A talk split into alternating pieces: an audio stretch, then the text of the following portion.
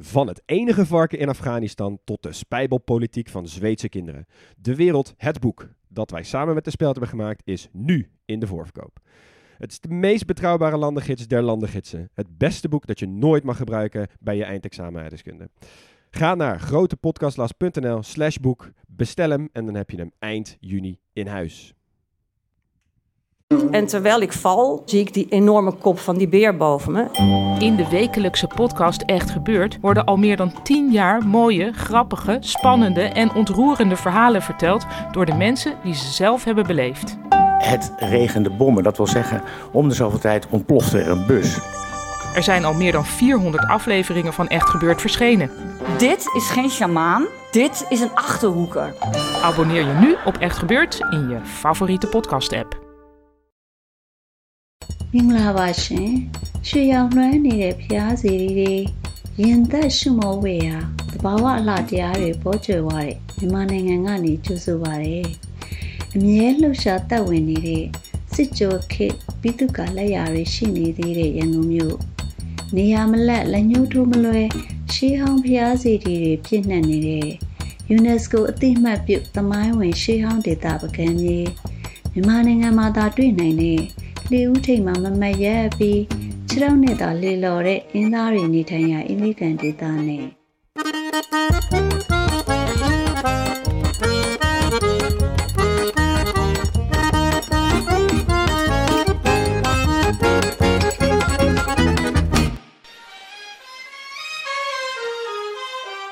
Eventjes zette Myanmar de deur op een kier. Heel eventjes.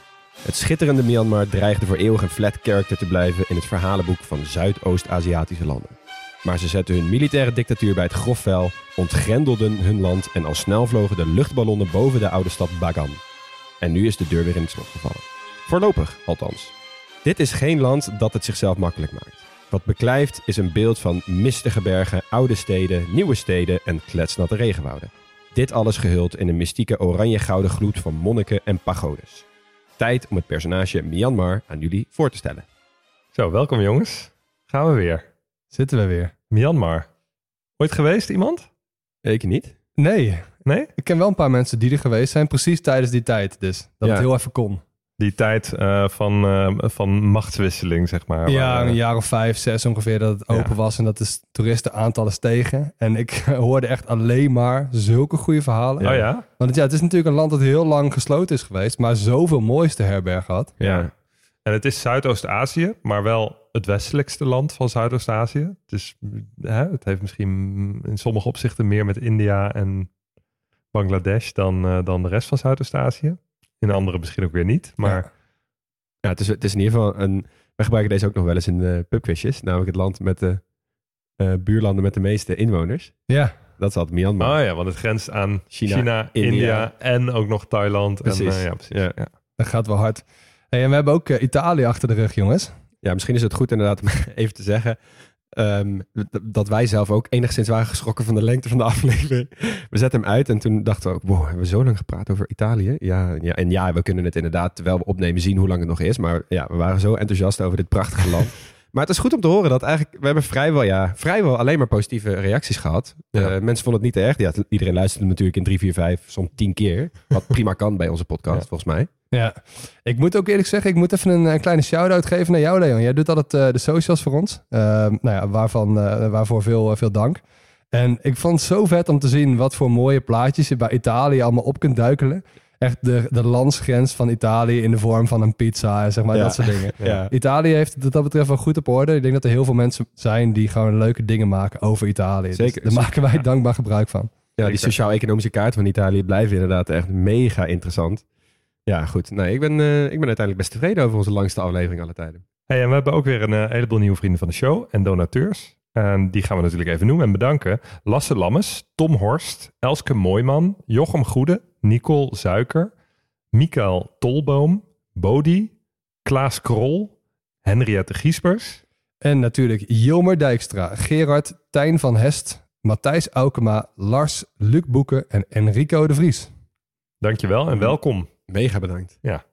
Jullie zitten dus allemaal in de aflevering Myanmar. Hartstikke Zeker. mooi. Mogen we al van start, jongens? Ja, Absoluut. van mij wel. Ga je gang. Mooi. Dan is de ligging, eh Hugo, je hebt net al een klein beetje verklapt. Eh, het westelijkste land van Zuidoost-Azië ligt ook aan de Indische Oceaan, specifieker de Golf van Bengalen en de Andamanse Zee. Eh, en ze hebben best wel een aantal buurlanden, dus Bangladesh in het uiterste westen en dan met de klok mee India, China, Laos en Thailand. En dat maakt ze dus inderdaad ook dat eh, land waar aan alle buur, eh, buurlanden bij elkaar het meeste, op, eh, meeste inwoners hebben. Oppervlakte 16 keer Nederland, net zo groot als Afghanistan. Inwoners ongeveer 54 miljoen. Hoofdstad is, eh daar komt hij, Naypyidaw. Heb je geoefend op de uitspraak? Nee. en bij voorbaat in deze aflevering misschien sowieso even een uitspraak disclaimer, jongens. Eh, Ja, die lijkt me wel op zijn plaats. Ja. Hier gaan we wat, wat foutjes maken. Hey, weten jullie wanneer eh Naypyidaw de hoofdstad is geworden? Is het 2015 of zo? Ja, misschien iets eerder, maar wel 10, 20 jaar geleden zoiets maximaal. 2005. Nou ja. Ja. Oh ja. En daarvoor was het Yangon. eh, of Rangoon, nemen ze het ook wel. Ik denk dat we Yangon moeten zeggen nu. Ik zou zeggen Yangon. Ja.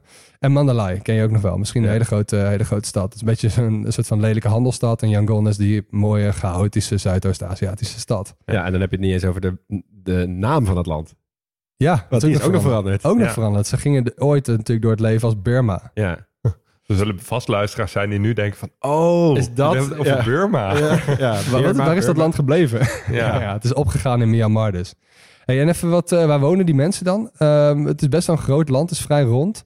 En het lijkt alsof ze met een soort van prijsvraag nog ergens een klein stukje land bij hebben gekregen. Want ze hebben zo'n heel langwerpig, smal stukje kustlijn in het zuiden. Het is zo'n soort ballon op, een- op zo'n stokje. Ja. Die je op de markt kon halen, zo'n kermis. Ja, klopt. En de grenzen van dat ronde deel, dat zijn dus of kustlijn of bergen. Dus eh, het hele middendeel is best wel plat, daar wonen ook alle mensen. Ehm, en je krijgt dus ook zo'n reliefkaart en een bevolkingsdichtheidskaart die ook precies elkaars omgekeerde zijn. Ja. Ja. Ja, dat is wel logisch, hè? maar in Myanmar is dat best wel extreem. Eh, de Irrawaddy, is de rivier die dwars door het midden loopt. En dat is echt een soort van levensader. En de meeste grote steden liggen ook daaraan of aan de delta. Ze betalen met de Kyat. Mooi. Ja. Ooit van gehoord, Mhm. de Kyat? ja, ik kwam het tegen in mijn onderzoek, maar ik had het hiervoor nog nooit wel gehoord. Nee, K-Y-A-T. niet. Kjat. Oké. Ja, het overgrote deel van de mensen is boeddhist. Ehm, bijna 9 op de 10. En de rest zijn dan toch wel christenen of moslims. Maar dat zijn dus wel kleine groepen. Ehm, er worden ongeveer de 100 talen gesproken. Maar de enige officiële is Burmaans. En dat spreekt ongeveer 2 op de 3 mensen. En de achternaam is voor de eerste keer van al onze landen tot nu toe een beetje moeilijker. Want ze hebben niet echt achternamen. Oké. Ze Oh. mogen zelf kiezen. Dus eh, vaak worden de namen van hun vaders doorgegeven, doorgegeven. Maar je mag dus je constructie zelf kiezen. En je mag ook tijdens, het tijdens je leven mag je het ook veranderen als je er klaar mee bent. Echt? Ja. Wat, wat zou je voor achternaam kiezen als je nu nog een nieuwe achternaam zou mogen kiezen? ja, ik, ja, geen Zo, idee. Daar ga ik echt goed over, over nadenken. Even om te oefenen. eh Aung San Su- Suu Kyi, die eh, hele beroemde mevrouw over wie we het verder nog wel gaan hebben. Ehm, dat Aung San, dat is de naam van haar vader. Dat Su is de naam van haar oma en Chi is de naam van haar moeder. Dus je kunt lekker, ja, je kunt lekker stapelen, zeg Het is maar. maar een soort puzzeltje die je zelf mag leggen. Met Ja. alle namen van je familieleden die je leuk vindt. Oh, lijkt me wel ingewikkeld hoor, want je gaat sowieso ook mensen teleurstellen. ja, inderdaad. Dus Ja, Ik neem vijf namen van mijn vader over en nul Ja. van jou. ja, Ja. dat zal wel voor spanningen gezorgd hebben. De meest voorkomende eh, zijn Maung, Ai, Aung, eh, Ai en Kin. En dan hebben we de vlag natuurlijk nog even. Dit is een van die landen waarmee wij zijn opgegroeid met een andere vlag. Eh, ze hadden altijd een rode vlag met linksboven een blauw vierkant met een wit logo. Eh, dat was super verwarrend, want die leek heel erg op Taiwan. Ja. En sinds 2010 hebben ze een nieuwe vlag. Geel, groen, rood. Met daarin een witte ster. En dat is super verwarrend, want die lijken weer heel erg op Litouwen. Ja, met de ster. Ja. communistisch Ja. Litouwen. Ze houden Ja. wel van verwarrende vlaggen. Vinden we deze mooi? Mm, Mwah. Voelt goedkoop of zo. Ja, ik, ik zat ook al te denken. Voelt een beetje zo'n vlag die je ook wel gewoon bij de Xenos had kunnen kopen. Ja, Ja, niet de mooiste kleurencombinatie. Nee. Ja. Met hangenburger 5,5.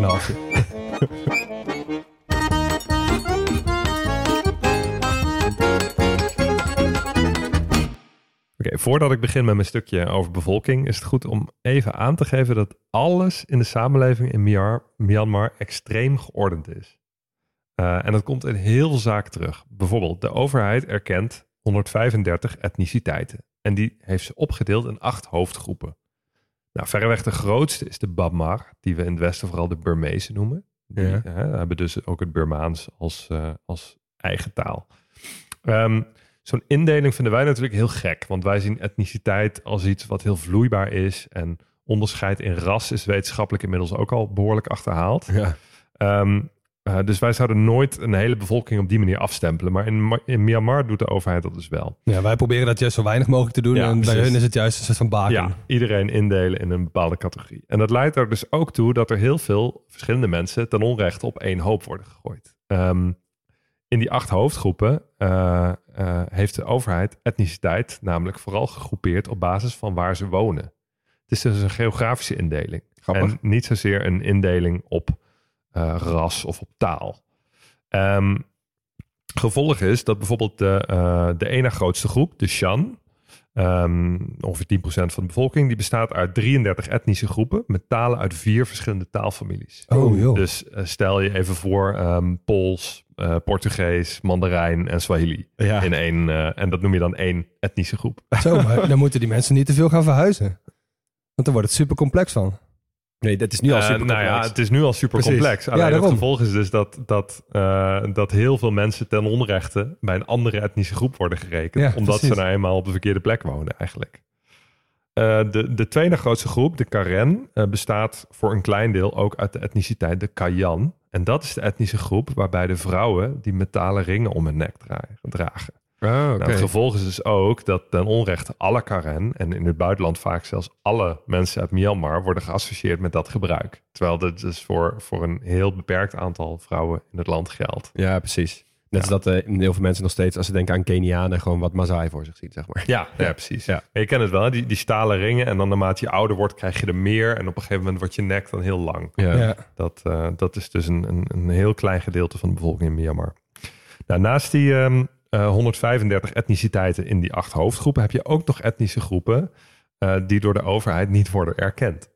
Lullig. dus die zijn er wel, maar die mogen er gewoon niet zijn. Eh, en dat zijn met name de Burmeese Chinezen, de Burmeese Indiërs, eh, de Anglo-Burmezen, dus mensen met een Engelse achtergrond, en de Rohingya. En dan ben je dus wel redelijk fucked als je eh, tot zo'n groep behoort. Ja. Nou, de grootste etnische groep, de Burmezen, bestaan uit ongeveer 60% van de bevolking. En ehm, eh, hun taal is, eh, is dus ook de officiële taal. De meeste minderheden die spreken het ook. Dus het is een soort lingua franca waar iedereen mee communiceert. En over die taal moeten we het even hebben. Ehm, het is een eh, Sino-Tibetaanse taal, waar bijvoorbeeld ook Mandarijn onder valt. Maar het alfabet lijkt daar echt helemaal niet op. Ehm, het, is een, het is een heel eigen alfabet. Ziet er een beetje uit als vermicelli. Ja. Veel cirkels en halve cirkels. ja, het is gewoon alsof je zeg maar, ehm, eh, als je zegt dat Georgiërs, in die aflevering zeggen we dat, dat je dronken Ja. bent geworden en een bord spaghetti hebt uitgekotst, is dit zeg maar de, de, de graancirkel variant daarvan. Ja, ja, ja. ja, een goede vergelijking. Maar het, het, ehm, het bestaat eh, vooral uit medeklinkers. Iedere medeklinker krijgt standaard een A-klank mee. eh, eh, tenzij er een teken staat dat er een andere klank aan moet worden gegeven. Dus stel je ziet de letter die een B moet voorstellen, dan spreek je standaard ba uit. Ja, ja. Tenzij er iets staat dat het anders moet. Maar het is dus een, een, eh, een, een taal die vooral bestaat uit medeklinkers in het schrift. Ehm, om het makkelijk te maken, worden er geen spaties tussen woorden gebruikt. Dus het is gewoon één lange brei. Super chill. Hoofdletters en kleinletters bestaan ook niet. Ehm, de meeste woorden zijn één lettergreep. Nou, dat, dat, hè, dan heb je dus ook een spatie niet per se nodig. Want dan weet je van, nou, de lettergreep is voorbij, nieuw Ja. woord. Ja. Ehm, maar dat zegt dus wel over hoeveel verschillende klanken je nodig hebt om genoeg verschillende woorden te kunnen maken. Ehm, ga maar Nederlands spreken maar, en alleen maar woorden van één lettergreep Ja. Hè, dat, dat is best wel ingewikkeld om dan genoeg woord- of lettercombinaties te vinden. Ja. Wel onze podcast een stuk, een stuk korter duren. ja, dat is waar. Ja, maar dus de, de manier waarop je het uitspreekt en de klank die je meegeeft is heel belangrijk voor wat het betekent. Ja. Ehm, Ja, je moet die taal echt even opzoeken. Als je Ja. die verkeersborden op die taal ziet, het is echt, het- ik heb nog nooit zoiets gezien. Ik ook echt... nee, nee, het is echt, echt one of a kind. Ja. Ja. Ik heb wel altijd een zwak voor landen eh, met één eigen schrift. En dat dat schrift daarbuiten dan ook niet voorkomt. Ja, Ethiopië Nee. bijvoorbeeld ook een goed voorbeeld. Ja. Ja. Eh, dan gaan we het heel even hebben over taalgebruik. Ehm, wat wel apart is, dat is heel leeftijdsgevoelig. Je moet mensen altijd aanspreken met twee woorden. En hoe je dat doet, is bijvoorbeeld afhankelijk van leeftijd. Dus eh, bij jonge mensen zeg je voor de naam altijd broer of zus. Bij oudere mensen oom of tante. Ook al zijn het helemaal niet je broer of zus of oom of tante. Dus eh, ik zou jou eh, broer Leel noemen en jouw broer Max. Dat gebeurt in Ehm, Nederland toch ook. Iedereen noemt elkaar toch het bro. Ja, eigenlijk wel. Eigenlijk wel. Eh, alleen hebben ze daar nog wat meer eh, eh, verschillende gradaties in. Ja. Ehm, ook persoonlijke voornaamwoorden verschillen heel erg naar gelang de leeftijd die je aanspreekt. Dus vergelijk het met het verschil tussen jij en u, maar dan iets strikter. En voor boeddhistische monniken zijn weer hele eigen aanspreekvormen. Dus die mag je Ah, weer, ja, dus weer, weer een ander level. Sowieso kenmerkt de Burmeese cultuur zich heel erg voor het respecteren van anderen. Eh, dit fenomeen wordt Anna genoemd. En het laat zich eigenlijk niet zo goed vertalen. Het is, het is eigenlijk het principe om jezelf een beetje op de achtergrond te plaatsen. Om anderen niet tot last te zijn. Dus jezelf heel erg weg, wegcijferen.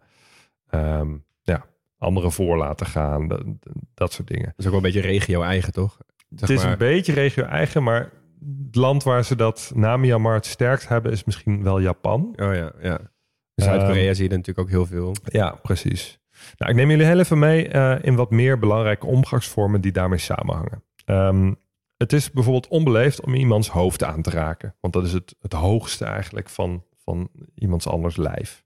Nog onbeleefder is om met je, met je voet te wijzen naar iemand die ouder is dan jij. Oké, ja. Dus pas op als je in een tempel en een kleermaker zit, ziet dat je niet met je grote teen naar een monnik wijst of Ja. zo. Nou ja, dat is ook onbedoeld wijzen. Ja, precies. Ook niet onbedoeld. Ehm, eh, in een tempel loop je trouwens ook eh, met de klok mee. En je moet nooit met je vinger naar een Boeddha-beeld wijzen. Dat is ook eh, echt nou dan. Ben je met je elleboog wijzen dan? Ik denk gewoon beter überhaupt niet wijzen. Ehm, in die tempels doe je trouwens natuurlijk ook altijd je schoenen uit. In de koloniale tijd is dat best wel vaak reden geweest voor een diplomatieke rel. Als weer een of andere Britse functionaris weigerde om zijn schoenen uit te trekken. En tegenwoordig komen toeristen ook nog wel eens in de problemen. In 2017 eh, werd een Russische toeriste veroordeeld tot zeven maanden gevangenisstraf en dwangarbeid. Wow. Omdat ze de schoenen weigerden uit te trekken. Wow. Ehm, en om een andere reden belandde in 2016 een Nederlandse toerist drie maanden in de cel. Ehm, wat gebeurde er? Hij kon niet slapen, want naast een hostel eh, kwam echt een enorme herrie uit de speaker. Dus hij ging zijn bed uit om de stekker uit die versterker te trekken. Hij dacht dat het ging om een kinderfeestje, maar het bleek dat hij een eh, boeddhistisch gebed had onderbroken. Dus ja, vonden ze niet heel cool. Ik kan me dit wel goed herinneren nog. Ik ook. Ik ook wel, ja. ja. Dan ben je ook wel enigszins cultureel ongevoelig, zou je denken. Van een afstandje. Maar goed, ik, was er niet bij. Ja, je, ja, het is een beetje lastig eh, Ja. om de omstandigheden eh, precies te peilen. Maar goed, achteraf in ieder geval onhandig. Ja. Ehm, nou, tot slot even noemen. eh, qua demografische transitie is het een heel modern land. Eh, dat betekent, de natuurlijke bevolkingsgroei is bijna gestopt. Dus de bevolking groeit van nature bijna niet meer. Het vruchtbaarheidscijfer ligt daarmee veel lager dan andere Zuidoost-Aziatische landen met een vergelijkbare welvaart, zoals Laos en Cambodja. Dus dat is wel echt apart. Oh ja. Eh, vrouwen blijven de laatste decennia steeds langer vrijgezel, trouwen dus later, beginnen later en kinderen krijgen er dan dus ook minder. Dus ook steeds meer arbeidsemancipatie. dus ehm, eh, daarin zie je dat ze echt voorop lopen voor een land met deze ontwikkelingsgraad. Ja, zeker gezien ze best wel arm zijn. En dat is dus best wel opvallend. Ja. Daar wil ik nog even aan toevoegen. We hebben het eh, gehad natuurlijk over die buurlanden... Hè, die met elkaar het meeste eh, inwoners hebben. Eh, het wordt nog gekker. Ik vond een feitje dat als je een zo klein mogelijke cirkel wil maken... van waar dan 50% van de wereldbevolking in woont en 50% erbuiten... Ja. dan is de kleinste die je kunt maken... dat is er eentje met een straal van 3300 kilometer maar... Wauw. En eh, het stadje Monket, 40.000 mensen in eh, Noord-Myanmar, dat wordt dan je middelpunt. Ah, oké. grappig. Ja. Komt verder niemand en Dus- niemand boeit dus dit. Myanmar Maar is echt het demografisch zwaartepunt van de wereld. zo zou je dat wel kunnen zeggen. Ja, absoluut. Dus hallo Aziatische eeuw. Ja. Eh, en een mooie andere is eh, dat Myanmar een van de drie landen is eh, die niet het metrische systeem gebruikt. Ja, klopt ja. Oh ja. Weet je welke nog meer? Ja, Amerika. Ja, met die gekke, gekke inches en, De eh, feet en en zo. yard en al Ja. dat soort dingen. Ja. En Liberia. Ja. De geschiedenis beginnen we vandaag in de tweede eeuw voor Christus. eh, rondom die rivier, die jij had genoemd als de belangrijkste ader van eh, het land. Namelijk de Irrawaddy. Eh, in het stroomgebied en in het noorden staan namelijk hele oude stadstaatjes. Die we kennen als de oude Pyu-steden. P-Y-U. Die werden gesticht door het Pyu-volk. Een Tibeto-Birmaans sprekend volk. Dan- Dan weet je welke uithoek je zit. Ja. Eh, en dat zijn de oudste bewoners van Myanmar waarover geschreven bronnen bestaan. Dus goede mensen. Eh, in het zuiden van die rivier, dus meer bij de monding, had je het Mon-volk. M-O-N. Eh, zij stichtten daar de stad Pegu, P-E-G-U. En zij waren eigenlijk de, de OG's van het boeddhisme in, eh, in Myanmar. Zij brachten volgens de bronnen het boeddhisme deze kant op. Mhm. Ehm, maar die Pew in het noorden, die werden na een tijdje best wel verzwakt, omdat ze de hele tijd werden aangevallen door ruiters vanuit het huidige China. Eh, en die werden uiteindelijk flink verzwakt. En toen kwamen de Birmezen en die verdreven de Pew eerst. En daarna gingen ze verder op hun, op hun rooftocht langs de rivier. En toen verdreven ze ook de Mon. Oké, dus die zijn vanuit het noorden uit, hebben ze langzaam iedereen Ja. uitgewiped. Als Ja, basically. Ja. En toen hebben zij een rijk gesticht en als hoofdstad daarvan hebben ze gekozen voor Pagan. Eh, het Pagan-rijk, zoals we dat kennen. Ehm, onder koning Anawrata, de eerste vader des vaderlands, eh, in 1044 werd het eerste Birmaanse koninkrijk gesticht. En dit was echt een periode van heel veel bloei en groei en gezelligheid eh, al daar. Want ze hadden best wel wat mensen verenigd onder hetzelfde systeem. Zij namen het Mon-systeem over en brachten het Theravada-boeddhisme naar de hele regio. Eh, en daarmee begonnen ze dus ook met het bouwen van mokertje veel tempels. Ja, daar kennen we Pagan natuurlijk nu ook nog best wel van. Komen we ongetwijfeld straks nog over terug. Maar aan het tijdperk kwam een einde toen eh, de Mongolen onder leiding van eh, Kublai Khan, inmiddels wel een soort van vriend van de show denk ik, Ja. ehm, het land binnenviel. Maar ik zat daar eens even in te zoomen en wat bleek nou? Ehm, die Mongolen die zaten aan die grens en die zeiden, joh, jullie moeten geld betalen, want anders gaan we jullie aanvallen. En toen zeiden die gasten van het, het eerste van het Pagan-rijk, zeiden, ja, dat gaan we niet doen. Dus toen hebben zij het Mongoolse rijk aangevallen. Ja, en toen zijn ze echt finaal in de pan gehakt. Ja, dat was echt wel, echt wel einde oefening. Maar goed, daarna vielen ze uiteen in verschillende staatjes. En daar kwam dus bijvoorbeeld die Shan, waar je het net over hebt gehad, ook eh, ja. als eerste koninkrijk hierheen. Eh, de Mon herstelde best wel snel hun koninkrijk in Pegu in het zuiden. Eh, en die hebben dus tegen die Shan heel lang een oorlog gevochten. Maar goed, we kennen het gezegde, waar twee honden vechten om één been, gaat het kleine Tungo ermee heen. Want er was een mini klein Birmaans staatje precies tussen die twee in. Het Tungo, T-O-U-N-G-O. En die profiteerden van die strijd, want die hadden zichzelf en elkaar natuurlijk best wel verzwakt. En toen hebben zij gewoon gezegd, weet je wat, we nemen jullie allebei over. En dat gebeurde dus ook in het jaar 1539. En dat was het begin van het tweede Birmaanse koninkrijk onder Bajinao, de tweede vader des vaderlands. Nou, op het hoogtepunt was dit Tongo-rijk dus het grootste en sterkste rijk in heel Zuidoost-Azië. Er is nooit een rijk groter geweest dan Hmm. dit. Eh, was onder andere een deel van het huidige India, nou heel Myanmar dus, heel, hele stukken van Thailand en van Laos. Dus dat ging daar ook best wel prima. Maar goed, in de 18e eeuw kwamen die Mon opnieuw in opstand. We kennen ze nog wel. En die verjoegen de Birmanen. En dat maakte ook weer een einde aan het tweede Birmaanse koninkrijk. Maar die Birmanen kwamen terug onder Along Paya, Ting, de derde en laatste vader des vaderlands.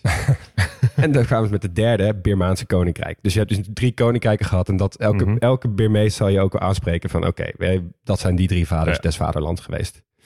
Nou, en eh, die opvolgers van hem die eh, voerden ook allemaal oorlogen tegen de Chinezen en Siam. En ze breiden hun rijk steeds een klein beetje uit naar gebieden zoals Assam in India. ehm, ehm, en Arakan, eh, dat is een beetje aan het water, zeg maar, de kustregio.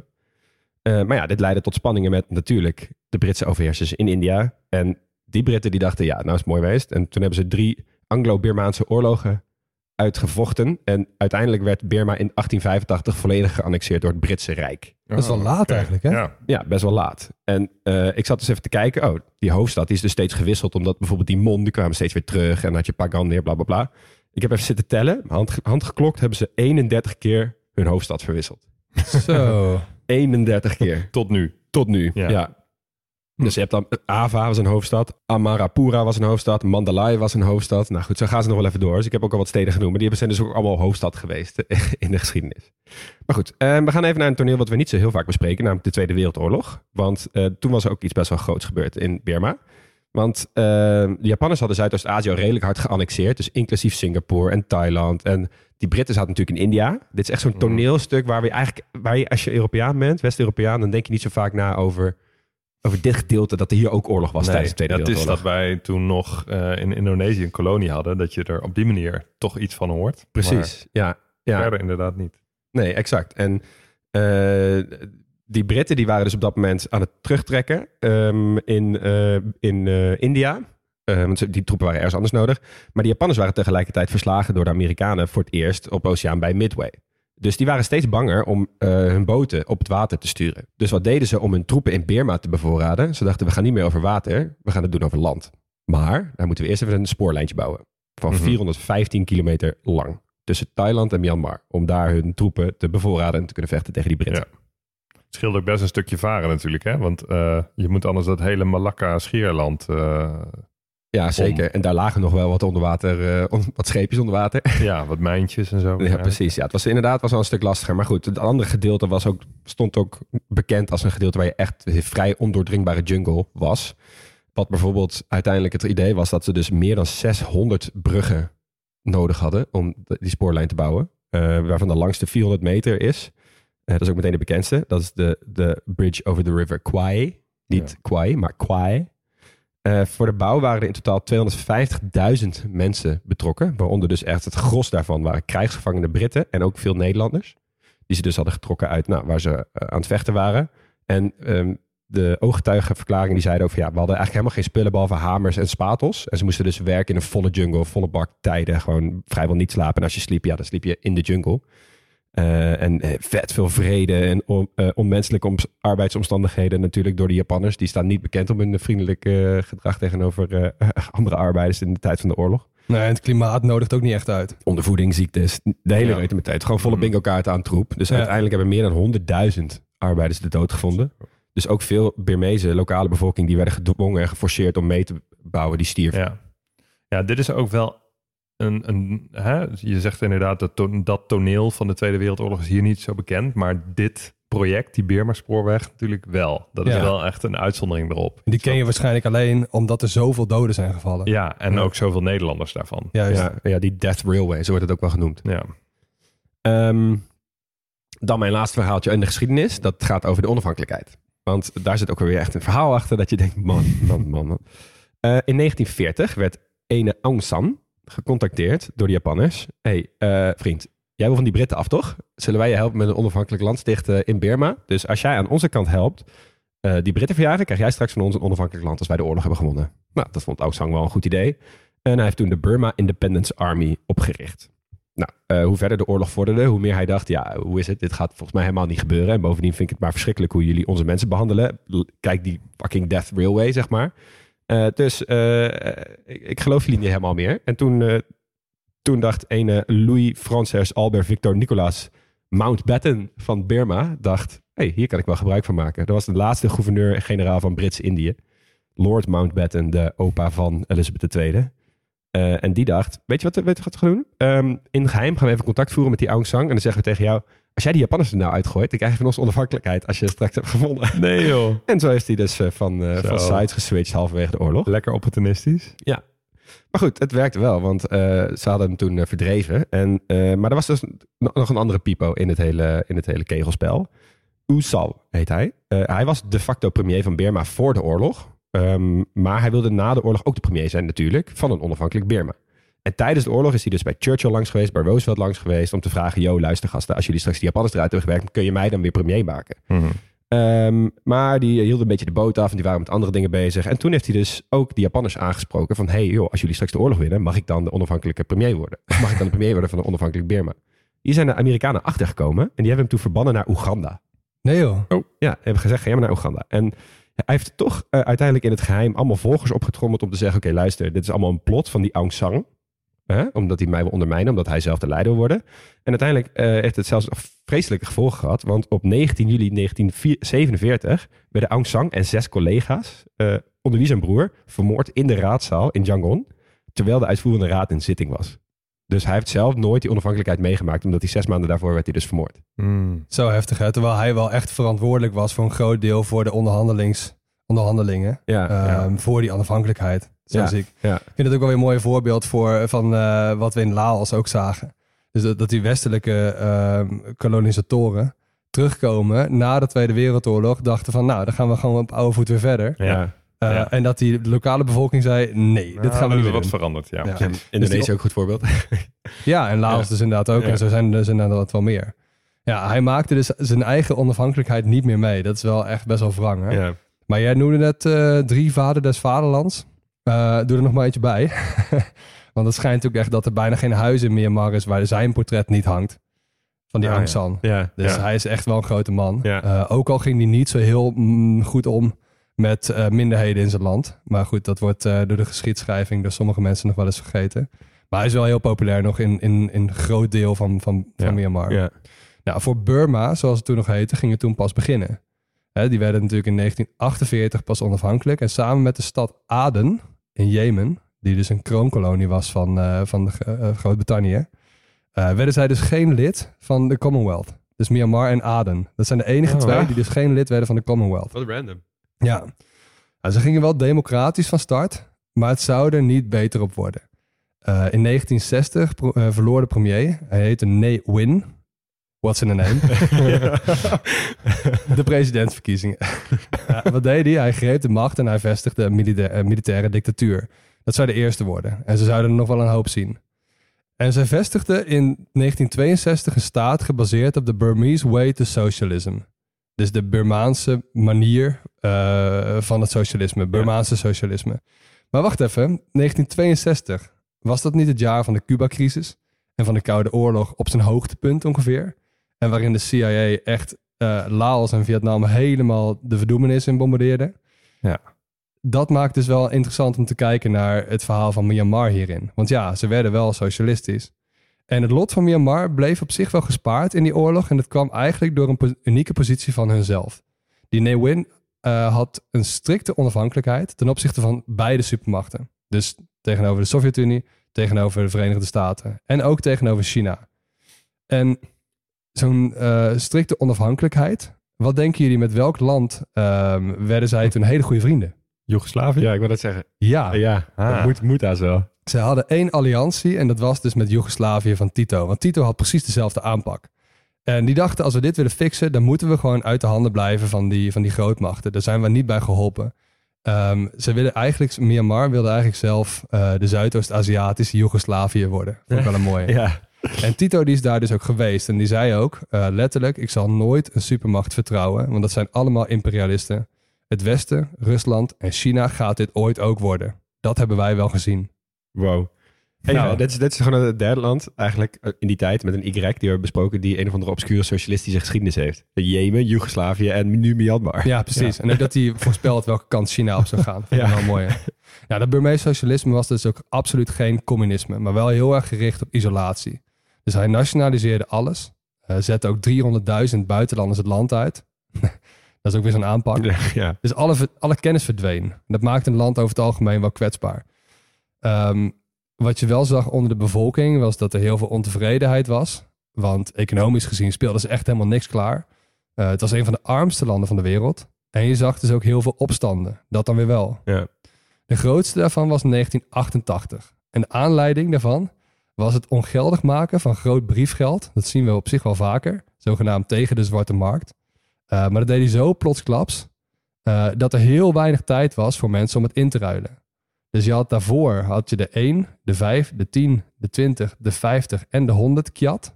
En in één klap maakte hij de 20, de 50 en de 100 ongeldig. Wow. Oh, dus als je daar een pakketje van hebt liggen en Ja, je hebt je even een, een, een kater waar- Dat was het. waardoor je even een dag eh, onder een steen leeft. Ja, ik vond dat 60 tot 80 procent van het geld in omloop niet geruild werd.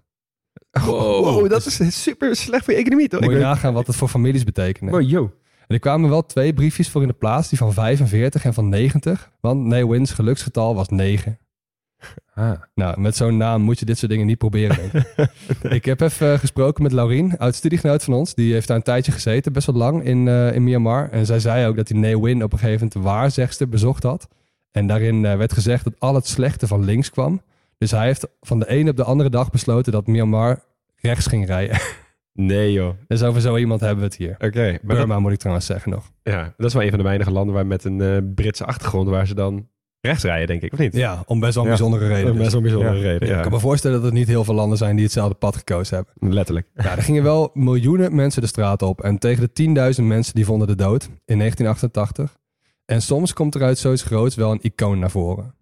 En wie was dat in dit geval? Het was Aung San Suu Kyi. De dochter van die vader des vaderlands. dus. Ja. En die zijn we nog wel gaan kennen. Ehm, zij heeft de Nationale Liga voor Democratie opgericht.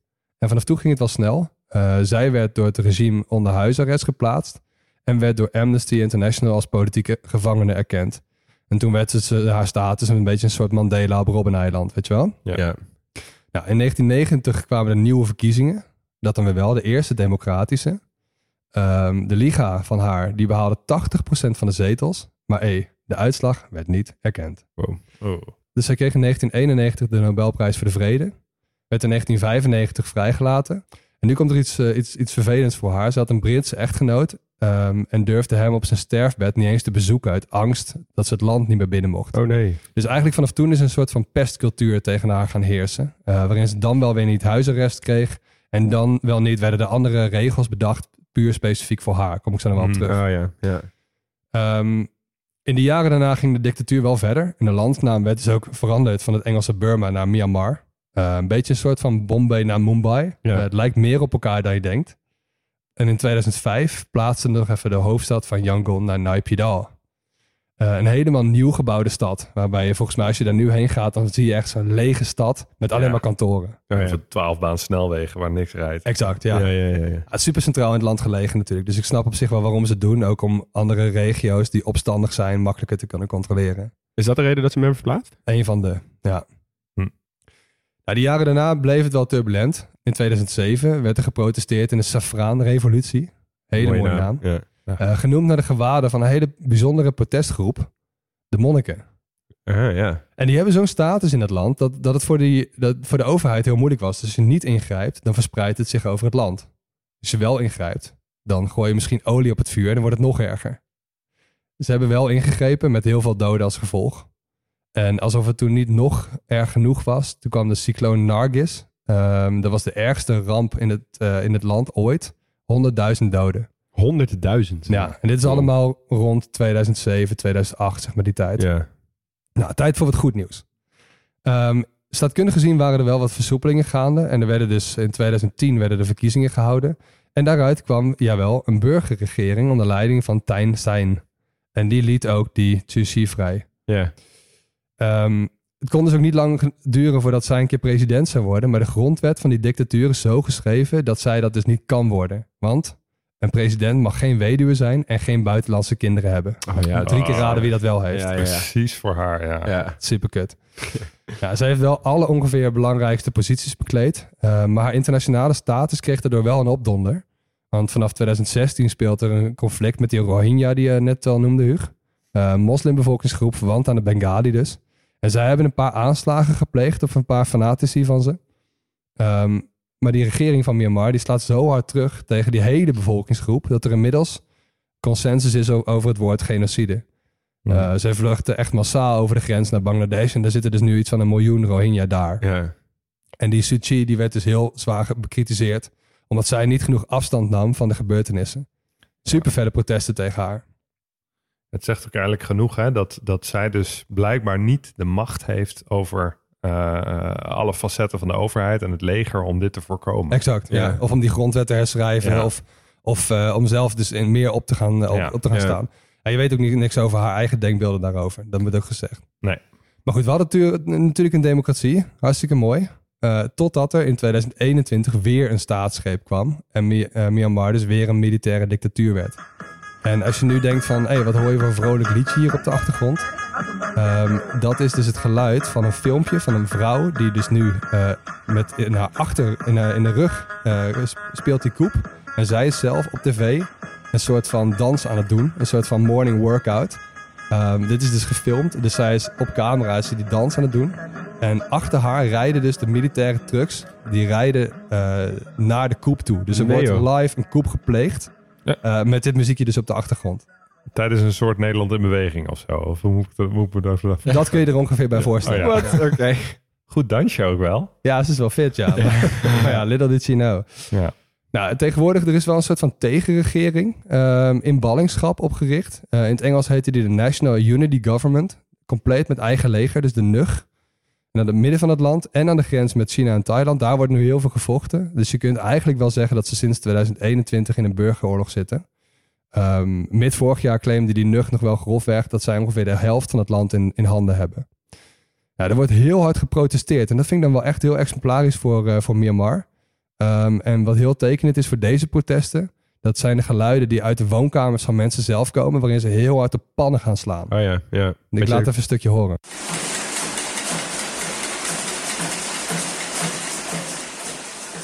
Ik vind het altijd eh, heel bijzonder als mensen dan een, eigenlijk bijna ten einde raad een soort manier moeten vinden om te protesteren zonder dat ze eh, met hun gezicht op een tv of op een filmpje komen of iets. En dat ze op die manier maar gewoon denken... oké, ik wil toch Ja. mijn onvrede laten horen... en dan op die manier elkaars stem vinden en versterken... door gewoon vanuit je eigen huis met pannen te laten... met pannen te mappen, zeg maar. Ja, iedereen kan meedoen. Iedereen kan meedoen en maar je wel bent relatief, veilig. precies, ja. relatief afgesloten. ja.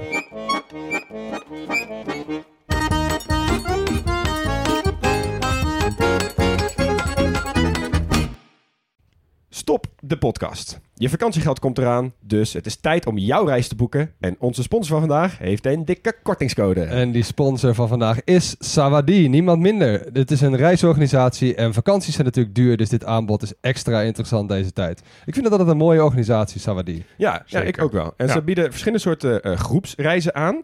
Eh, en vandaag gaan we het even hebben over die ze aanbieden aan de 22 tot 35-jarige backpackers. En dat zijn over het algemeen mensen die wel wat meer willen weten over het land dat ze bezoeken. En dus niet zomaar van A naar B die hotspots aflopen, busje in, busje uit. Ja, en het zijn ook mensen die het vaak leuk vinden in een groep eh, te reizen. En eh, die groepen die blijken ook heel snel vriendengroep te worden. Zowel tijdens de reis als daarna. Eh, mensen komen vaak nog heel, veel, heel vaak met elkaar terug, spreken af om te meeten en zo. En je kunt dus ook echt naar heel veel plekken op de wereld. Populair zijn op dit moment plekken als Zuid-Afrika, Marokko, Jordanië, Colombia, Nepal.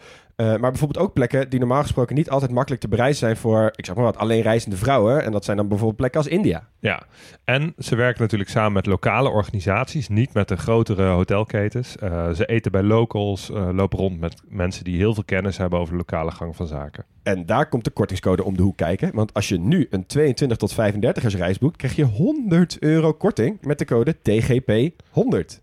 En die code is geldig van 1 mei tot 16 juni. Ja, dus je moet wel een beetje op tijd boeken, maar hey, 100 euro korting op zo'n reis. Moet je kijken dat- wat je er allemaal mee kan ik doen. zou dat toch altijd even proberen om TGP 200 in Ja, te voeren. ja, ja, ja, ja. ik misschien. Ja. Ja, ik- Anyway, 100 is ook al super mooi. Zeker. En bij Saudi, het reizen is heel makkelijk. Er is heel veel keuze en het is dus ook heel gezellig. Saudi, met wie ga jij op reis? Terug naar de podcast.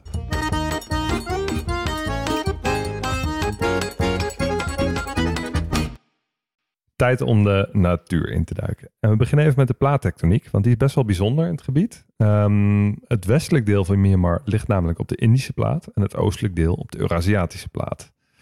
Nou, dat zorgt natuurlijk voor frictie. De Indische plaat die beweegt naar het noorden, veroorzaakt daar bij Nepal en zo ook de Himalaya. Maar tegelijkertijd, en dit wist ik eigenlijk niet, draait de Indische plaat ook een klein beetje tegen de klok in. Dus die beweegt niet alleen maar naar het noorden, maar die, die draait ook een beetje om zijn eigen as. Oké, vet. En omdat de grens tussen deze twee platen in Myanmar van noord naar zuid loopt. Dus ja, je hebt, in het westen heb je de ene plaat in oosten. De andere. En eigenlijk van noord naar zuid ligt de plaatgrens. Ja. Ehm, bewegen die platen langs die grens zowel langs elkaar als naar elkaar toe. Ehm, en in de oceaan ten zuiden van Myanmar is door die schuine beweging ook een stukje van de Eurasiatische plaat afgebroken. De Burma-plaat. Want je krijgt dus, hè, het is geen zuivere convergentie of, of transforme beweging. Het beweegt een beetje twee kanten op. Ja, ja, oké. Ja. ja. Ehm, nou, dat maakt dat eh, in Myanmar best wel veel aardbevingen voorkomen. Ehm, eh, geen vulkanen overigens. Ehm, toch hebben ze qua natuurgeweld meer te vrezen van een ander fenomeen, namelijk cycloons. Eh, Max, jij noemde al cycloon Nargis.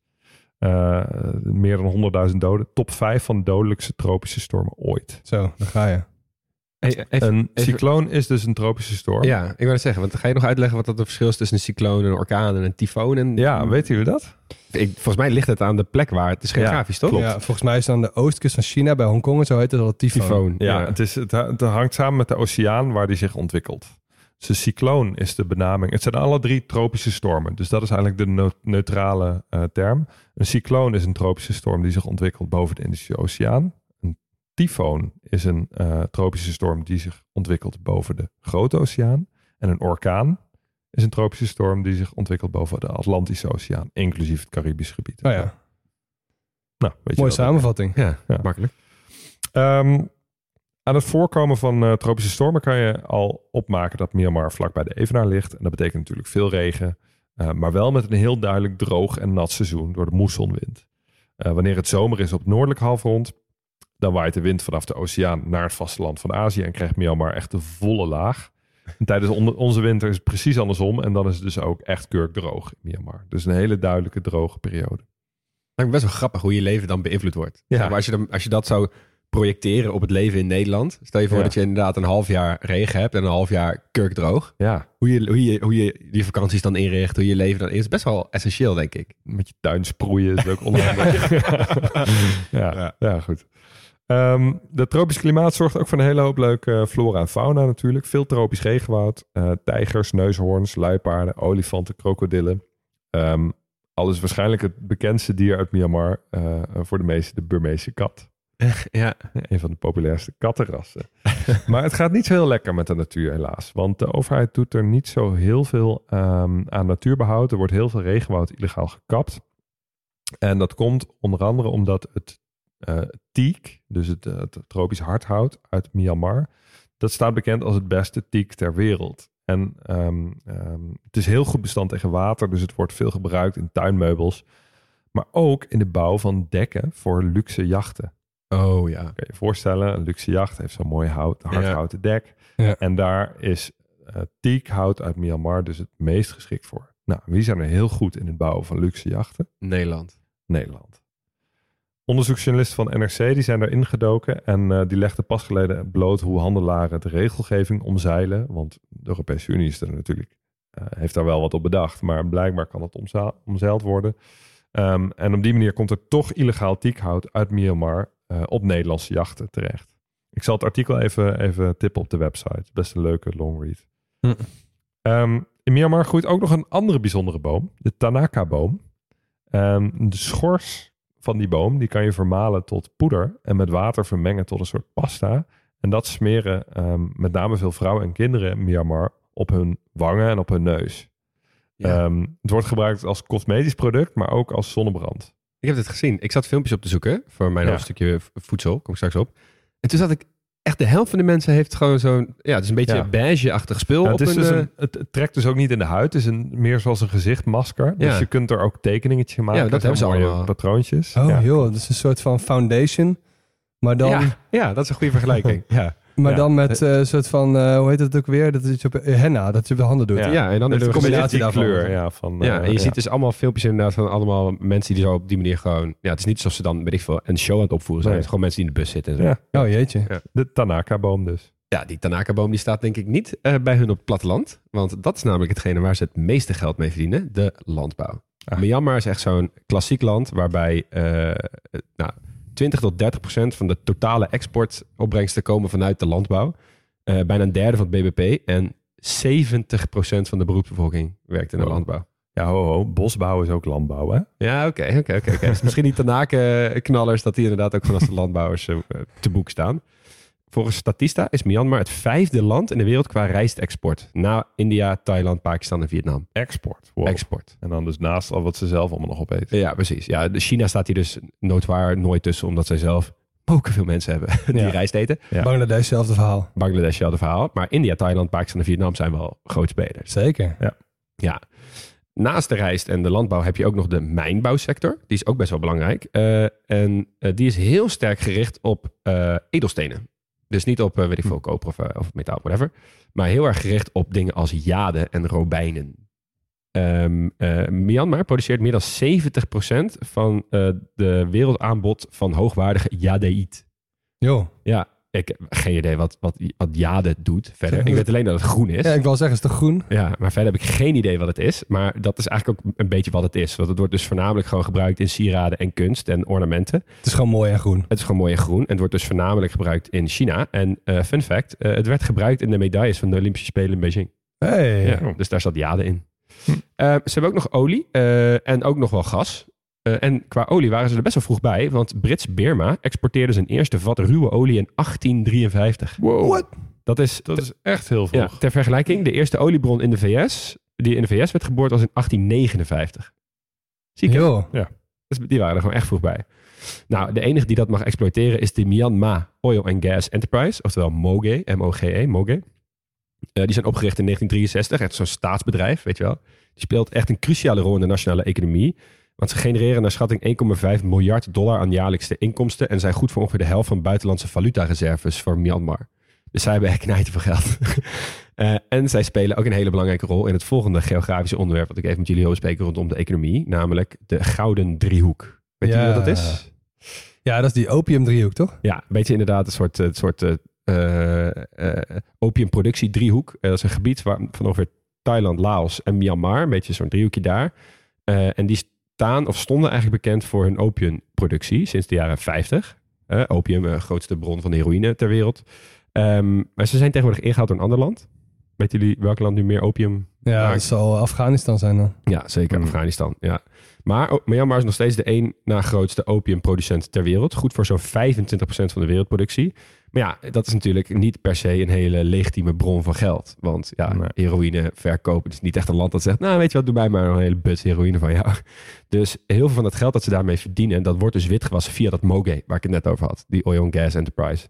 Eh, want ondanks dat Moge geen andere activa heeft dan de beperkte investeringen van haar buitenlandse partners en geen winst maakt, en het feit dat de Myanmarese staat nooit in staat was om enig krediet aan Moge te verlenen, eh, zijn er nog steeds honderden miljoenen dollars overgebracht naar de Singaporese bankrekening van het bedrijf. dus ergens Hmm. komen er honderden miljoenen eh, knaakjes binnen en niemand kan het precies verklaren. Via zo'n officieel bedrijf ook. ja, voor een staatsbedrijf. Ja. Ja. Ja, Maar goed, de opiumteelt in Myanmar is sinds 2015 jaarlijks wel echt afgenomen. Maar zoals je net al zei, Max, die burgeroorlog is niet per se heel handig. eh, want sinds dit jaar en vorig jaar zijn ze weer aanzienlijk gestegen. Eh, en ze zijn dus heel bang voor de potentiële gevolgen van de volksgezondheid, ook nog in combinatie met COVID. En dus die, Hmm. die koep waar we het net over gehad. Dus eh, ja, we moeten maar zien waar dit, eh, waar dit naartoe gaat. Ja, ja, ook wel jammer dat ze dan met alle legale dingen waar ze heel veel geld mee hebben kunnen verdienen de afgelopen jaren, dat dat nu een beetje op slot zit. Ja. En dan heb ik het ook over het toeristische hoofdstukje. Ja, Want ja. ja. daar moeten we het ook nog even over hebben. Eh, er was natuurlijk een best wel een grote bron van inkomsten. In die democratische jaren hebben ze echt wel een korte opleving gehad. Nou ja, nogmaals, we kennen wel wat mensen die daar geweest zijn. Hoogtepunt was 2015. Eh 5 miljoen mensen ongeveer. ehm, Hm. Toen die eh, per jaar daarheen gingen. Maar ja, eh, toen COVID gehad en zo, dus daar wordt het ook niet, bij, niet beter van. Nee. De reisadvies nu is oranje vanuit Nederland. eh, met grote delen eh, vuurrood in de grensstreken. Ja. Dus daar wordt nu het hardste gevochten. En dat is minst, minst veilig. Ja, bij die Rohingya natuurlijk ook allemaal eh, worden weg, weggedwongen. Klopt. En de Genocide, ja. grens met Thailand is ook niet best. Dus die grensregio's moeten een beetje wegblijven. Ehm, oranje vind ik altijd wel een mooie, een mooie kleur. Gewoon zelf weten. Wel spannend, Ja, ja. maar ja. Ja, dan ga je niet helpen als je in een probleem komt. Nee. Maar je mag er best even op. Ja, precies. Nou, de afgelo- absolute parel van Myanmar qua toerisme is natuurlijk wel Bagan. Hè, Leon, je hebt het net gezegd, de oude hoofdstad. Ehm, het zegt ook genoeg dat je de eerste hits, als je googelt, eh, zijn ook dingen als droomplekken.nl en gezinopreis.nl. ja. Dus Goeie ja, bron altijd het voor is je best wel toerisme salonveeg geworden om eh, daarheen te gaan de afgelopen jaren. Eh, nu natuurlijk iets moeilijker. Die stad is gebouwd in 849. eh, met als belangrijkste wapenfeit dat alle krenten in de pap de tand destijds wel hebben overleefd. Dus het staat dus vol met tempels en pagodes en andere ruïnes. Ehm, het is een beetje, het is een vergelijking waar ik meestal niet van hou, maar deze klopt volgens mij wel aardig. Oh. Dit is het Angkor Wat van Myanmar. Oh, jij durft? Oké. Ja, Ja. Nou, nou, nou, doe maar dan. Ja. Eh, het is wel dus verspreid eh, over een gebied de grootte van de gemeente Renen. Dus 42 vierkante kilometers. En er staan 4400 tempels. Ja, ik vind het zo vet. Ja, maar wa- waar leent het dus zich heel goed voor? Voor tochten per motor en per scooter, per fiets. eh, of dus per luchtballon. Ja. Dus ik denk Oh. als je denkt aan luchtballonnen, denk je eerst aan Cappadocië en daarna aan Bagan volgens mij. Ja, ja. Oh ja. Oké. Maar goed, in ieder geval, dat is wel echt een lie- lievelingselement van mij. Want eh, per motor of per scooter of dus per fiets heb je vet veel vrijheid. ja. En dan kun je zelf kiezen eh, hoe obscuur de tempels gaan zijn die je gaat bezoeken. Dus je hebt er ook altijd wel een paar voor jezelf. Ja, en bij dit soort dingen is het ook altijd zo. Dat zag ik in Indonesië ook. En in het begin heb je dan altijd heel veel tempels, zeg maar vlak na de entree of waar je binnenkomt. En daar staan dan vet veel mensen. En dan ga je één linie verder en dan is, dan is al de helft. En dan ga je nog een linie verder en dan is een verdwaalde toerist. En dan ga je nog een linie verder en ben je alleen. Ja, dat, is hier, echt, dat is altijd zo. dat ja. is hier wel echt van toepassing Ja. inderdaad. Ja, je hebt Oud Bagan en dat is dus precies wat je nu net, eh, net omschrijft. Ja. Dus dat is- de dierentuin ook altijd. ja. Tip, begin altijd achteraan in de dierentuin. Eh, de onderwerpen die we kunnen aansnijden binnen een minuut. Mooi. ja, dat Oud Bagan, daar vind je dus wel de meeste tempels en de grootste dichtheid van attracties, maar dus inderdaad ook wel de meeste mensen. Ehm, je hebt ook de Ananda-tempel. Eh, dit is een vergelijking waarbij ik dacht, ho ho vriend, de Westminster Abbey van Myanmar. Oké. Had ik een beetje mijn twijfels bij. ja, maar heb je die gevonden? Ja, ook gewoon op de. Droomreis.nl. Ja, maar het zou maar zo kunnen, ja.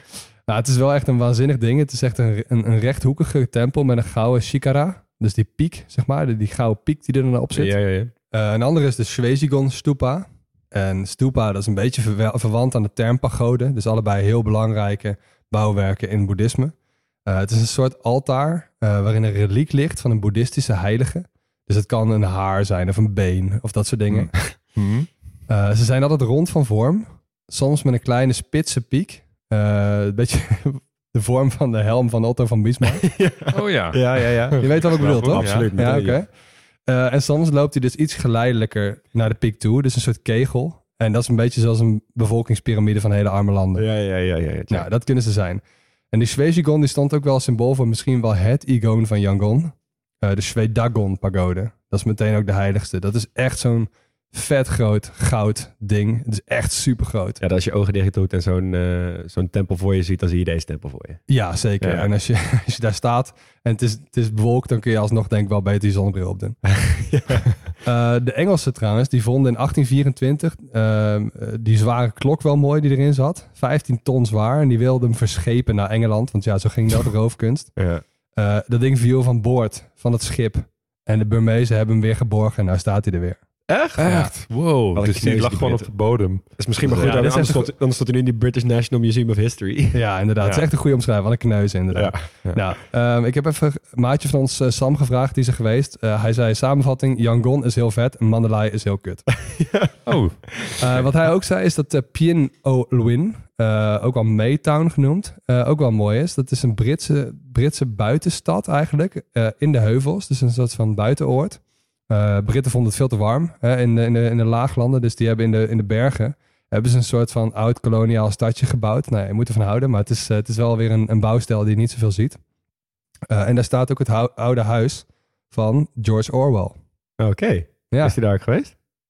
blijkbaar. Ja, blijkbaar. Ten slotte, je hebt het Inleemeer. eh, een heel mooi, super ondiep meer. Met heel veel dorpjes die echt op palen staan. En mensen roeien met hun benen in een soort stok gevouwen. Beetje zoals die gondeliers in, eh, in, in Venetië. Maar dan met hun benen afzettend. What? oh. Ja. Oké, dat lijkt me ineffectief. Mm, weet ik niet. Het lijkt me Ja, eigenlijk misschien best als je het al je generaties lang doet, dat je daar eh, heel goed in bent geworden. Ja, jij zou gewoon een motortje kopen. Ja, of gewoon met een pedal.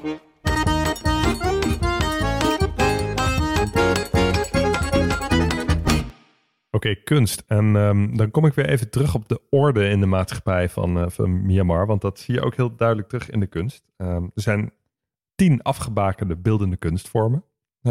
Alles wat daar buiten te- valt, telt gewoon niet. Oh, je net op de verkeerde plaats. ja.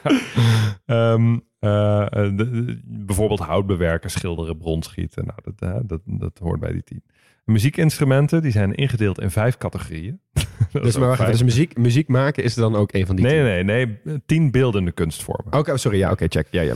Ehm, maar in muziek heb je dus ook weer eh, eh, instrumenten in een bepaalde categorie. Ehm, echt, dit is echt een heerlijk land voor mensen die houden van duidelijkheid. ja. Ja, of die gewoon heel gestructureerd een podcast moeten voorbereiden. Eh, ja, zeker, zeker. Ehm, ik ga het even hebben over eh, traditionele volksmuziek. Ehm, die is namelijk best wel onderscheidend van de rest van Zuidoost-Azië. En dat komt omdat er heel veel plotse veranderingen van ritme en melodie in zitten. Als je het mij persoonlijk vraagt, wordt het daar nog slechter van. ik, ik dacht al, wat, jij bent echt de beste om dit hoofdstuk te Ik- omschrijven. ik werd al niet zo heel blij van Laos. Nee, maar hierbij is het dus ook nog eens een beetje aritmisch. Ligt het niet zo heel makkelijk in het gehoor. Je hebt de laatste tijd wel een lekkere track record van landen waarmee je gewoon hele lelijke muziek vindt. Ja. Ja, Malta was ook al niet zo'n feest, hè? Maar goed, het- ik ga het goed maken met jullie, geloof me. Ehm, eh, ze gebruiken heel veel lokale instrumenten. Het bekendste daarvan, dat is de saunggauk. Dat is een harp in de vorm van een boot.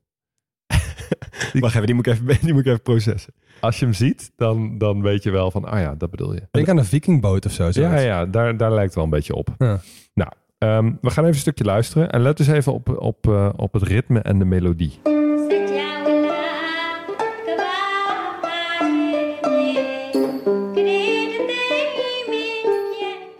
Oh, lekker geordend. Misschien, misschien heel, heel soms geven wij nog eens even een klein beetje een kijkje achter de schermen van onze voorbereiding hoe we dit soort dingen doen. En jullie mogen best weten dat heel soms communiceren wij met, als we lange verhalen hebben, met van die audioberichten op WhatsApp. En heel soms dan eh, dan eh, verneuken wij Hugo altijd doordat we een, eh, een audiobericht doorsturen. En dan denkt hij dat het een heel verhaal is. Maar dit is een stukje muziek uit Laos wat we hebben opgenomen, wat hij verschrikkelijk vindt. Ja. Oh joh, het doet me eraan denken. Laatst was er een audiobericht, heb ik nog niet geluisterd. Was dat er een Er zit waarschijnlijk Laotiaanse volk in. Ah, Oké, oh, lach. We hebben of die, of die gasten uit Panama die aan het eh, hakken zijn en dan elkaar eh Die jodel. eh, die ja, ja. jodel. Oh, mooi. Nou, goed te weten. Ik ga voor daar geen audioberichten meer openen. Ja. Ehm, in de muziek onderscheiden ze zeven toonhoogtes. Eh, die kan je ook alle zeven nog weer majeur of mineur spelen. Dus iets hoger of iets lager. Dus je kunt een instrument op 21 verschillende manieren stemmen. Nou, we luisteren naar een drummer die drumt op een drumstel met 21 trommels. Oké.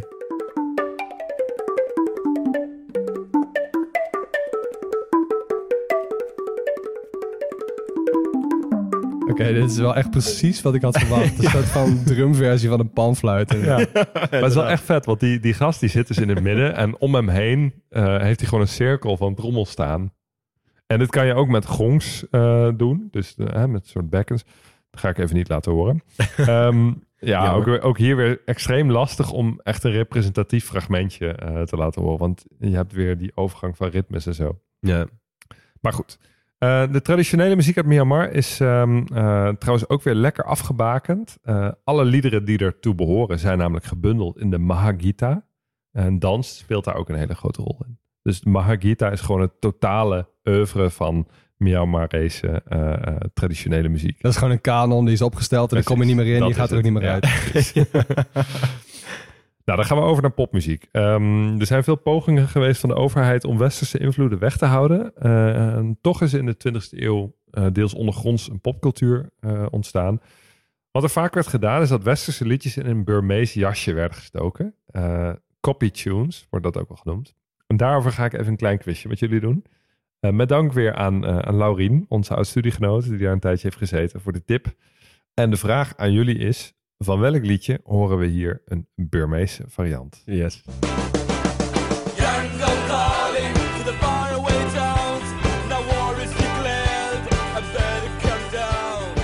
London van de Clash. Ja, maar dan Yangon Calling. Oh, Oké, Ja. ja, oké. moet ik ze geven? Volgende.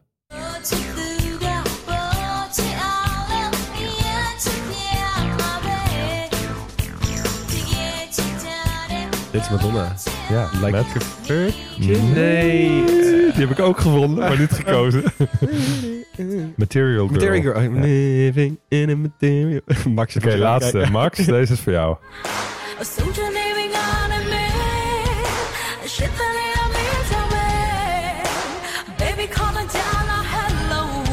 Ik ben blij dat die pubquiz die wij organiseren, dat we hem zelf geven. Want ik zou hier niet goed scoren. Nee, dit is toch Halo van Beyoncé? Ja, klopt. Ja, ja, lekker. Je hoort Halo nog ook nog. Eh, in, Mya- in Myanmar is trouwens ook een aardige punk scene ontstaan. Dat, eh, dat komt overal terug. Eh, jarenlang ondergronds, want verboden. Maar de laatste decennia steeds openlijker. Een bekende punk, punkband en de persoonlijke favoriet van Laurien is Side Effect. Ehm, ik vond het wel een beetje een sneu verhaal voor, van ze. Want in 2012 eh startten ze een crowdfunding om geld op te halen voor instrumenten en het maken van hun eerste album. En toen ze genoeg geld hadden verzameld, viel alles in het water omdat internationale sancties tegen Myanmar ervoor zorgden dat de geldstroom werd bevroren. Oh Dus ze waren toen alles kwijt. Zo, dat is zielig. Maar uiteindelijk kwam het album er toch. En we luisteren even naar hun nummer Min Atwat.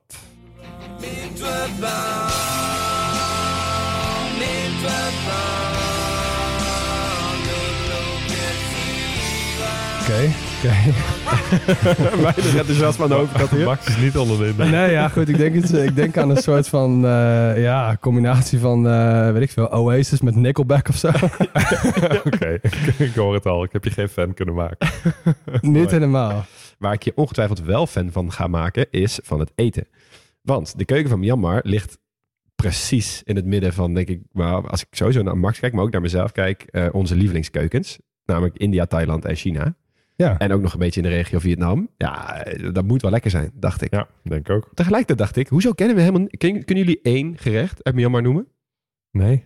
Nee, ik ook niet. Dat is toch best wel bijzonder eigenlijk. Als je bedenkt dat je Thais, Indiaas, Chinees, Ja. Vietnamees... gewoon die Ja. schud je zo uit je mouw. Maar die hebben heel veel, eh, weet ik veel, diaspora of culturele uitwisseling met andere landen. En als je jezelf zo isoleert, dan krijg je dat. Nou, dat is precies de, de reden dat je dit zegt. Maar ze hebben dus heel veel bronnen van buiten... die ze dus nog steeds gebruiken in hun eigen eten. Dus als jij door Yangon loopt... dan zie je ook heel veel Indiaanse, Thaise en Chinese restaurants.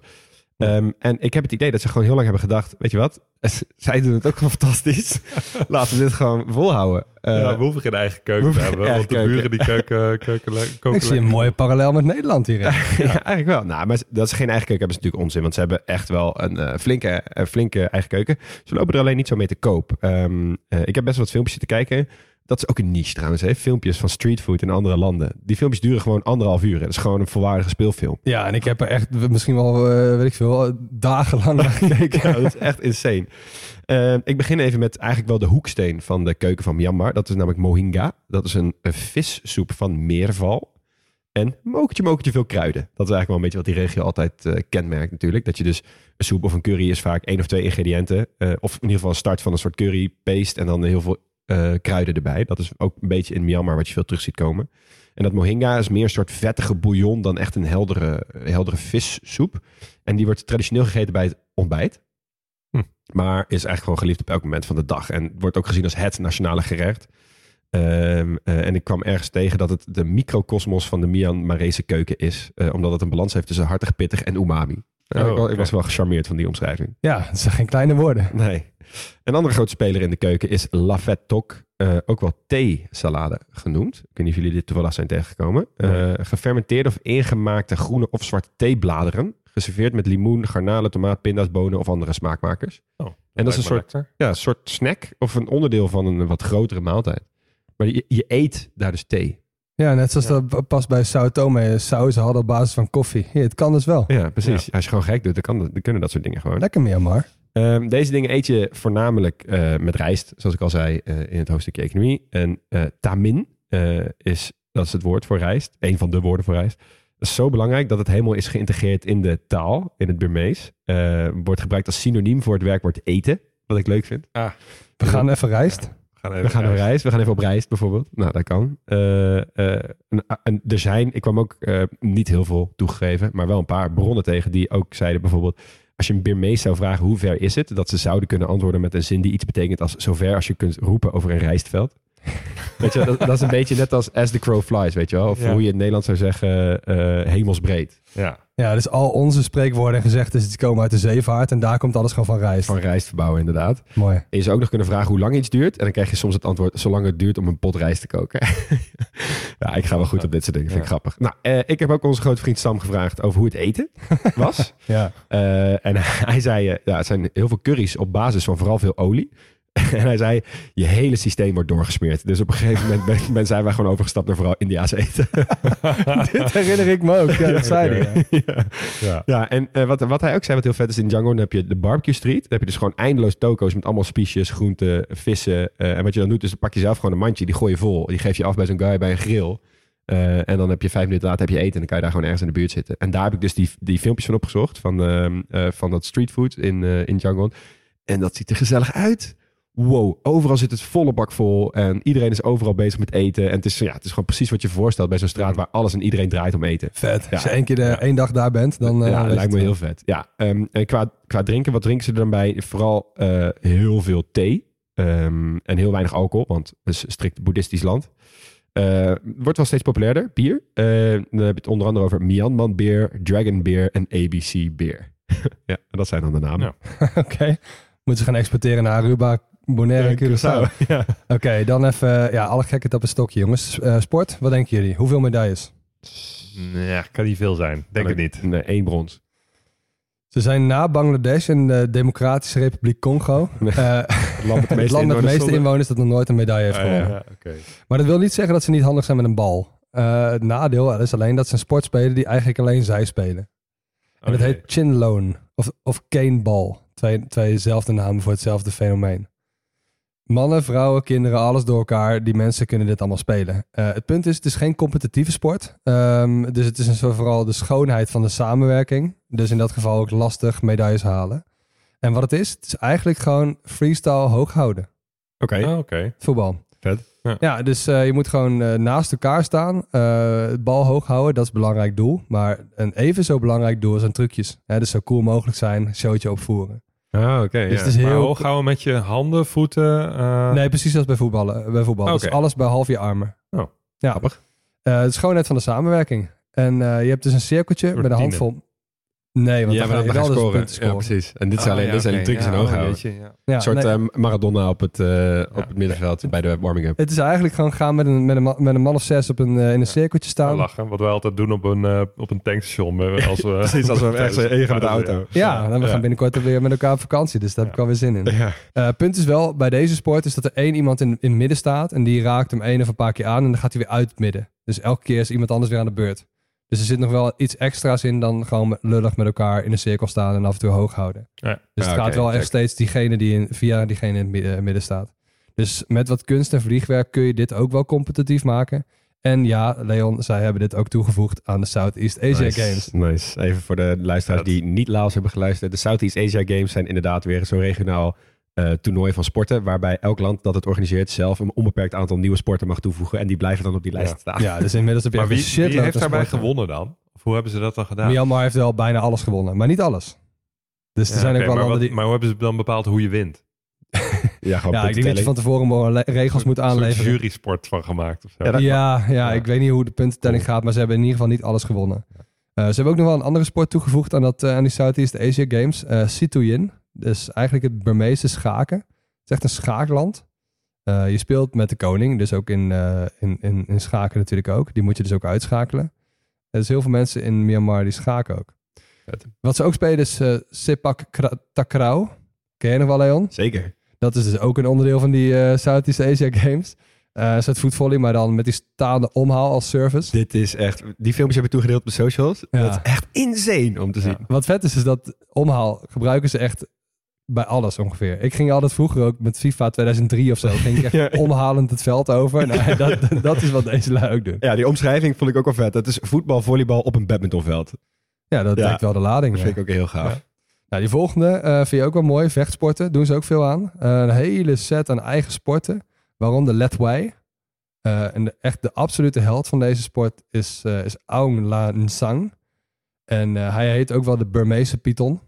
Oké. Ja, die sport die valt onder de mixed martial arts en geldt echt als de allerhardste in die categorie. Dus het is een soort bare knuckle fighting, dus eh, met blote vuisten, met alleen tape om je handen. Je hebt ook geen puntensysteem. De enige manier om te winnen is knockout. Oké. Eh, en je mag ook kopstoten uitdelen, wat bij al die andere sporten niet mag. Klinkt als een gezonde sport waar je heel oud mee kan worden. Ja, precies. Dus mo- mocht je jezelf tijdens een vakantie daar niet terugvinden in een of andere ring, sterkte.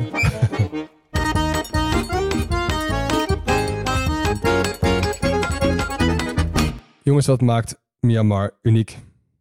Poeh, nou, wat ik wel interessant vind, is dat het dus een land is vol tradities, waar dus al die oude tempels nog bewaard zijn gebleven. Maar aan de andere kant maakt het om de haverklap kort en metten met zijn eigen verleden. Qua naam van het land, eh, eh, plek van de hoofdstad, vlag. Hè, Ja, dat, ja. Wordt, dat wordt dan helemaal niet gekoesterd. Daar wordt telkens weer op zoek gegaan naar iets nieuws. Ja, je- dus je hebt hele conservatieve mensen, of in ieder geval hele traditionele mensen, met een heel vernieuwingsgezind land, Ja. die elke keer weer wat anders bedenkt om de bevolking nog minder goed af te laten Ja. zijn. Ja, dat, dat heeft me wel geïntrigeerd, Ja. verhaal. Ja. ja, ik was in ieder geval wel. Ik, ik vond het wel interessant om te lezen dus over hoe zij dus in die Koude Oorlog hadden gespeeld. Vind ik altijd wel interessant. Ehm, ik zit heel erg diep in de Koude Oorlog sinds alle landen die we, die Ja. we bespreken. ja, inderdaad. Maar ja, het is wel logisch dat zij ook een soort van Laos of Vietnam hadden kunnen worden, waren het niet dat. Mhm. Ja. ja, en wat ik dus heel interessant vind, waar we het eigenlijk niet zo heel lang over gehad hebben, is dat ehm degenen die het hardst nationalistisch zijn en extremistisch zijn in Myanmar, zijn boeddhisten. Dat, dat hoor je ook nooit. Zeg maar, Nee. waar je, als je, vroeger, toen ik dacht aan boeddhisme, dan dacht ik altijd, oh ja, vredige, kale monniken in oranje gewaden die, eh, die richting tempels lopen en terug, zeg maar. Die heel blij zijn met de leer van Boeddha en eh, al die vormen van yoga of whatever hebben geïntroduceerd in de wereld. Is over het algemeen ook zo. Is over het algemeen al zo, inderdaad. Maar Ja. zij zijn dus eigenlijk gewoon degene die het meest verantwoordelijk zijn voor die anti-moslim Ja. eh, gewelds eh, Ja. explosies in Myanmar. Ik denk in de boeddhistische wereld zijn zij zeker wel het zwarte schaap. Zeker. Maar daarom is het wel heel interessant om te zien, omdat je dus nooit die associatie maakt. Ik kan geen enkel ander land noemen waarbij ik een boeddhistisch, Nee. extremistische, nationalistische groep ken, zeg maar.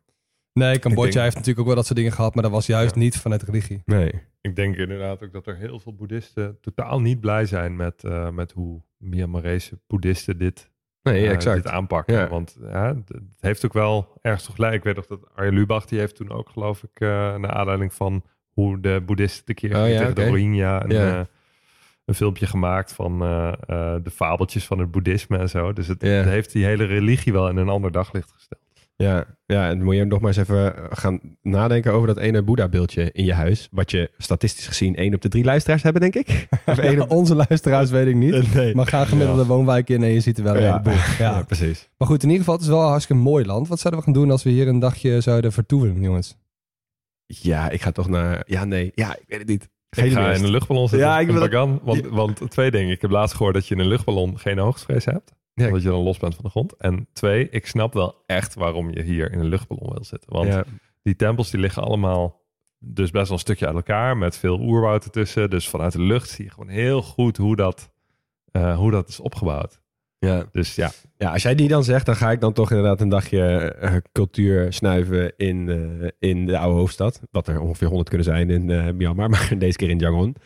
Want het lijkt mij inderdaad die barbecue street en gewoon die tempels. En wat je daar allemaal nog meer hebt aan geschiedenis, cultuur en mensen. Ja. Vind ik wel echt, eh, eh, lijkt mij wel heel interessant. Ja, toen jij Yangon beschreef en ook wat we van onze eh, grote vriend Sam hebben gehoord, dacht ik ook wel, ja, Yangon moet toch ook wel echt magisch mooi Ja, zijn. hè? ja, Maar toch, ik, ga, ja, ik kan de verleiding van Bagan denk ik niet weerstaan. Maar anders dan jij, Huug, ga ik wel over land. Ik, ben, ik ga dan li- liever gewoon een dikke vette motor huren en dan gewoon crossen. Een dikke vette motor in die regio, dat betekent vaak zo'n 150cc buffertje. Ja, of gewoon een gesmokkelde Royal Enfield vanuit India. Precies, ja, mooi. Mooi. alright. Heel erg bedankt voor het luisteren naar dit hoofdstuk van de grote podcastlas. Vanuit de huiskamerstudio hoorde je Leon Boelens, Max Gerritsen en Hugo Noordman. En eh Jonas van Impen die is nog op vakantie, hè? Dus die eh, kan, kan weer de eindmontage niet We krijgen mooi een fotootje door van hem. Waar zit hij ook weer? In de Ngorongoro-krater in Tanzania. Ah, Tanzania. Ja. Ja. mooi. Lachen. Dus eh, we bedanken eh, Jeroen van Dag en Nacht heel erg voor het eh, editen en afderen van deze aflevering. We zijn nooit volledig, wel origineel, geen experts, wel liefhebbers. Als we iets verkeerd gezegd hebben of iets cruciaals zijn vergeten, volg ons dan en laat het even weten via Twitter of Instagram op @grotepodcastlas en kijk natuurlijk op de website grotepodcastlas.nl. En volgende week dan reizen we naar Oeganda. Wabi.